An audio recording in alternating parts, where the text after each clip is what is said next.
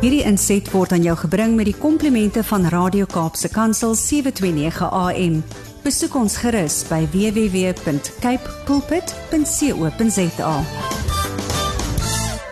Dankie Jannie en ons weet jy het ook nou wonderlike kosbare tyd met jou familie gehad, jou seun wat ook hier was of is van Amerika, ek's nie seker nie. Maar um, Ja, ek is nog 'n week saam met hom. Oh. ek sit nog 'n week op sy skoot. Hoe het dit nou omgeruil? As jy nou op sy skool, ek ek verstaan. Luister maar, Ja. dankie ook dat jy jou tyd vir ons eh, um skenk vandag op hierdie tweede maardaggie. Die jaar is nog so nuut, so ons kan nie wag om dit saam met jou af te skop nie en ons hoor graag wat jy deel.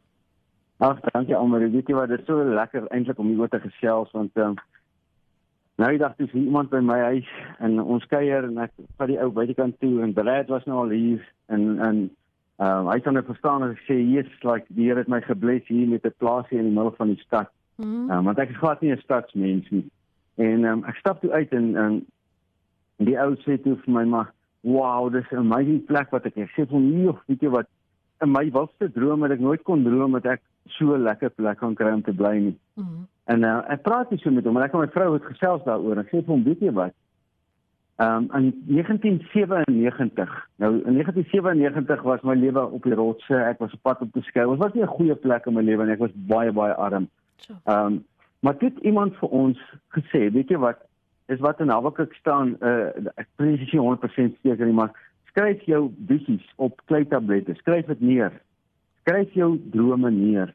En ehm um, iemand het toe in ons lewe ingespreek in daai tyd en hulle gesê, weet jy wat? Elke jaar begin 'n mens en mense het hierdie drome en goedes, maar bitter min mense se drome word ooit waar want dit is net drome. Mhm. Maar wanneer mense eerste stappe neem en dit is om dit neer te skryf, om te sê, weet jy wat?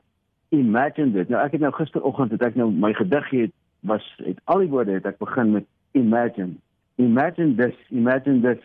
Ehm um, en en ek skryf oor hierdie jaar. Nou ek sê vir hierdie ou wat ek toe wys my huis, ek sê vir hom, hier's 'n dubbelverdieping huis voor jou met 'n swembad aan die kant, groot grasperk wat afgaan op 'n dam uitloop. Um, in die dam is daar vis, wabers en bass en daar's 'n boot op die dam en daar's 'n brug oor, daar's 'n houtdek op.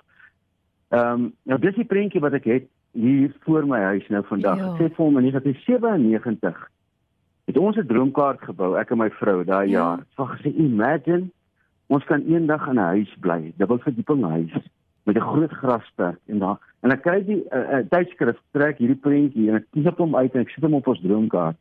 En ek sê vir daai ou, dis amper 'n identiese beeld van die prentjie wat ek in 1997 op my droomkaart gesit het. Mhm. Daar waar ons nou bly. Wat? En toe besef ek net maar wat is die waarde van 'n visie? Want as ons ons visie verloor, dan beteken dit ons verloor 'n uh, ding op die toekoms. Nou ek wil vir mense nou hierdie week uitdaag. Ehm um, en ek ek weet ek het nou gister my mindset oor iets anders geskryf. Ek het gesê kom ons begin hierdie jaar met habits. Ja. Ehm um, en en die habits wat ons het bepaal ons lewe. En ek wil mense uitdaag. Nou, ek gaan volgende week bietjie meer gesels oor die visiebord, maar dit is so 'n kragtige ding in my. Maar ek wil mense uitdaag en ek ek gaan hulle uitdaag hierdie week met drie gewoontes. As jy net hierdie drie gewoontes hierdie jaar in jou lewe insit, Mhm. waarborg ek jou dat jy 'n beter lewe sal hê. En gewoonte nommer 1 is begin jou dag met 'n verbale gebed. Dis nie dis al. Beteken as jy oë oopmaak, is nie ekstra tyd wat jy hoef te vat nie. Dit is net hoe jy dit begin. Begin jou dag met 'n verbale gebed en jy vra die Here vir niks nie. Jy sê vir hom dankie vir alles wat jy wou vra. Dit beteken jy sê dankie Here dat U my guns gee in hierdie dag wat kom. Dankie dat hierdie dag reeds deur U voorberei is. Dankie vir 'n familie waarvoor ek lief is. Ek weet al, al fight jy in jou familie, jy hoop om 'n familie te hê waar jy lief is. Nou as jy opstaan en jy begin die Here dankie sê vir dit wat jy hoop gebeur. Ja. Dan is daar iets wat jy aan die brand steek wat jy net sal verstaan wanneer jy dit doen. So gewoonte nommer 1 is begin jou dag met 'n gebed. En die groot geheim is 'n verbale gebed, nie 'n gedagte nie. Mhm. Moenie dink jy bid nie. Jy moet actually bid. Ja. Ek het baie jare gedink ek bid, want ek het net gedink ek bid. Maar ek het nie gebid nie. Ek het net gedink. So. praat. En ek weet vir baie mense is dit embarrassing om te praat met 'n God wat jy nie kan sien nie, maar probeer dit en kyk wat gebeur. Mhm. Dis nommer 1. Gewoonte nommer 2. Elke dag voordat jy in die stort klim in die aand of in die bad, maak nie saak. Ek glo elkeen van ons iewers deur die dag maak ons osself skoon. Nou die reël is, net voor jy jouself skoon maak, doen een fisieke aktiwiteit. Nou fisieke aktiwiteit is nie oefening nie. 'n Fisieke aktiwiteit is iets soos 'n squat. Jy weet, 'n squat beteken jy staan reg op, jy sak boutjies uitgestoot agter, kennetjie op, jy sak af so ver jy kan. En dis 'n squat. Nou sê net maar jy doen 5 squats net voordat jy in die stort klim. Nou ek het begin met 5 push-ups. Almal ken my uitdaging. Ek het begin met 5 push-ups 4 jaar terug. 5 push-ups elke aand net voor ek in die stort klim. Stadige, mooi, netjies push-ups. Nou dit het nie vir my fiks gemaak of sterk gemaak of iets nie, maar dit het iets in my mind verander. Hmm. En dit is 'n dissipline. Dis 'n dissipline wat jou liggaam sê ek reageer volgens die dissipline wat jy toepas. Ja. Nou vandag, 4 jaar later, ek doen ons nou elke aand doen ek 100 push-ups voor ek in die stort klim. Nou dit klink verskriklik baie vir mense, maar dit is nie. Dit is nog steeds so maklik soos 5. Ek het maar net die proses aangegaan en jy sal dit nooit verstaan tensy jy die proses begin. So as jy nou elke dag iewers net kom ons sê 'n minuut se fisieke aktiwiteit insit met die gedagte van liggaam, ek gee vir jou oefening kos. Hmm. Dan gaan jou liggaam begin reageer. En die derde een, die derde gewoonte wat ek mense in uitdaag is. Kyk of jy elke dag 5 minute in die natuur net kan wees net kan wees. Ehm um, ek is ek ek ek verstaan dit beteken nie nou daar wees nie. Dit wees beteken jy's net present. Ek sit net in die natuur en ek hoor die voeltjies, ek kyk na die blare, ek sien die muurtjies, ek luister na die klanke, ek voel die wind, 'n bewuswordingsoomblik. 5 minute of bietjie meer. Nou as jy dit kan regkry elke dag, garandeer, waarborg ek jou dat die kwaliteit van jou lewe baie gaan verbeter. Hoeveel kan ek sê nie, want dit hang af van jou intensiteit van wat jy doen. Mm.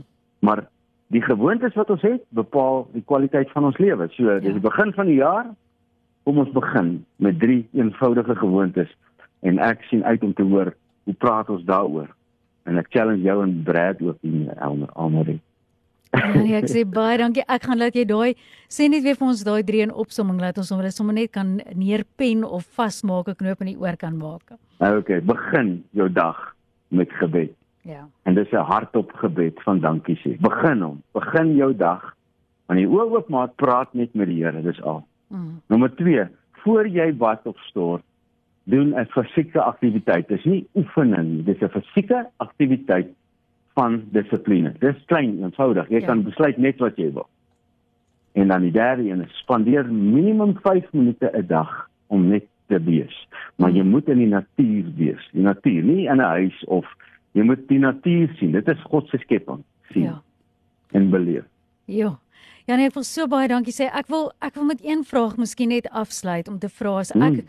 Ek dink ook wat ek observeer het met baie van die vriende en mense wat ek ook ken en wat mense ook net maar sien op sosiale media is dat baie mense is regtig amper bang om te hoop vir die jaar. Hulle is eintlik so bang omdat die afgelope 2 jaar soveel teleurstelling miskien gebring het wanneer jy wou droom en baie van daai drome kon nie in praktyk regtig realiseer nie as gevolg miskien van inperking as as gevolg van finansies omstandighede maar dat baie mense selfs amper bang voel om hoopvol te wees vir die jaar wat wag. Hoe maak ons om daai te oorwin? Almarie, ek gaan eerlik vir jou sê as ons verstaan in watter oorlog ons is. Satan se hele doel, sy die absolute doel is om ons hoop te steel. Want die oomblik wanneer jy nie meer hoop het nie, kan jy nie glo nie. Hmm. Want die definisie van geloof staan in Hebreërs 11 vers 1 geloof is om seker te wees van wat ons hoop. Nou die oomblik as jy jou hoop verloor, sê Satan ek het jou. Nou wil ek die vraag vir jou vra. sien jy kans om jou om hierdie oorlog waarin ons is, want ons is in 'n oorlog, hmm. op te gee, te koop of is jy bereid om saam ja, kyk ek gaan vir jou sê baie baie jare gevat. Ek het my 6 jaar gevat voor ek my eerste boek kon skryf. Hmm. Nou van hoop om 'n boek te skryf en uiteindelik die boek skryf was daar soveel kere wat ek wou opgee. Hmm. Maar ek het besef as ek gaan opgee, dan is dit onmoontlik. Dan dan is my lewe 'n verskoning. Ja. Ehm um, en dis wat mense moet besluit hier is daar's ander mense wat presies sit waar jy sit. Wat doen ander mense? Daar's 'n storie. My vraag is Is jy bereid om jou storie eendag te vertel? Hmm. Want jou storie is waaroor jou lewe gaan. Jou jy, jy mag miskien net vir een mens jou storie vertel en daai een mens word geignite. Vat sy ou soos Angus Bucket. Wie het vir hom van God vertel? Hmm. Iemand se storie het hom geraak. En wat het Angus Bucket vandag oor die wêreld al gedoen vir God? So moenie dink dat dit wat jy doen on, onbetekenisloos is nie of hmm. betekenisloos is nie. Mense moet verstaan dat 'n klein dingetjie soos om die oggend te begin met 'n gebed, om een dissipline in die dag aan te sit en om net te weet, glo vir my, daai klein gewoontetjies hou die vuur van hoop aan die brand. Hmm. Want jy weet jy doen iets wat iemand anders nie regtig bereid is om te doen. So. En as jy daai vuur van hoop aan die brand kan hou, glo ek jou een of ander tyd ontmoet jy iemand jy hier saam met my kantoor sit. Ek het 'n blaasbak. Ek blaas enige vuur aan tot 'n massive veldfire. O, oh, dis fantasties. Janie en dankie ook net vir jou die die sprankel en die hoop wat jy ook saai in ander mense en dat jy altyd dit doen. So ons waardeer jou ongelooflik baie. Ons sien uit daarna om weer hierdie jare pad met jou te stap en mag jy hierdie week geniet saam met jou seun sit lekker mm. op sy skoot. Ja, ek doen.